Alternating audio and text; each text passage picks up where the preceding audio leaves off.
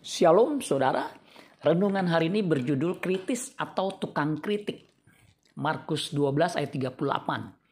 Dalam pengajarannya Yesus berkata, Hati-hatilah terhadap ahli-ahli Taurat yang suka berjalan-jalan, memakai jubah panjang, dan suka menerima penghormatan di pasar.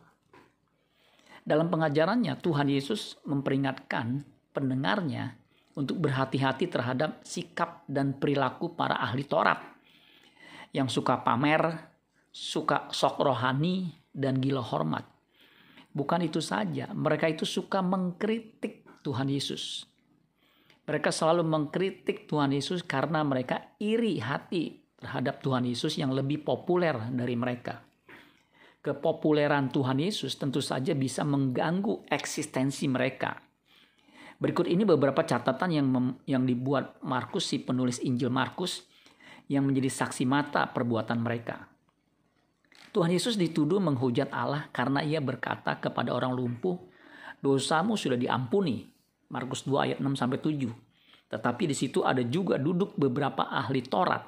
Mereka berpikir dalam hatinya, mengapa orang ini berkata begitu? Ia menghujat Allah. Siapa yang dapat mengampuni dosa selain daripada Allah sendiri? Mereka mengkritik Tuhan Yesus karena ia makan dengan pemungut cukai dan orang berdosa.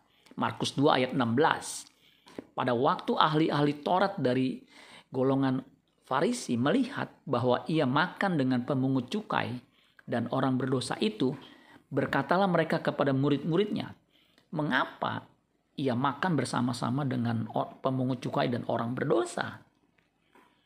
Mereka datang di Yerusalem langsung menuding Tuhan Yesus sebagai orang yang kerasukan Betsebul.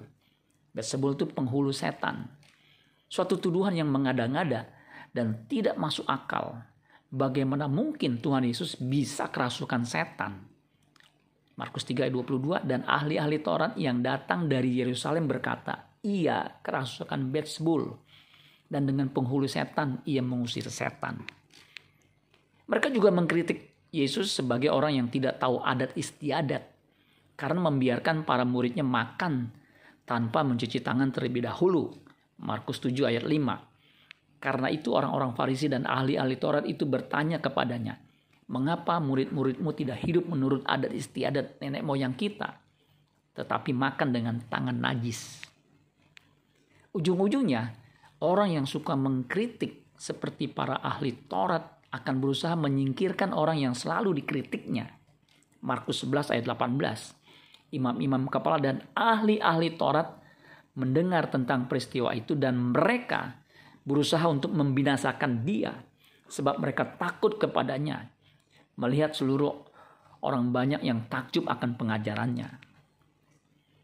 Saya mengamati beberapa orang yang menjadi narasumber dalam suatu talk show di televisi selalu bernada kritik dan tendensius terhadap pemerintah yang sekarang ini. Selalu ada saja yang dikritiknya. Bahkan mereka dengan bangga bahwa mereka memang kritis. Ada seorang dengan tegas berkata, memang karakter saya dari dulu seperti itu. Saya mengkritik demi keselamatan negara.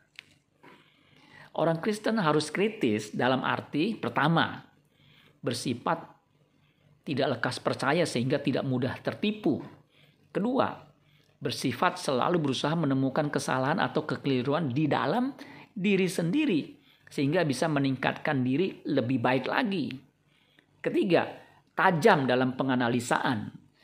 Keempat, peka terhadap kebutuhan orang lain.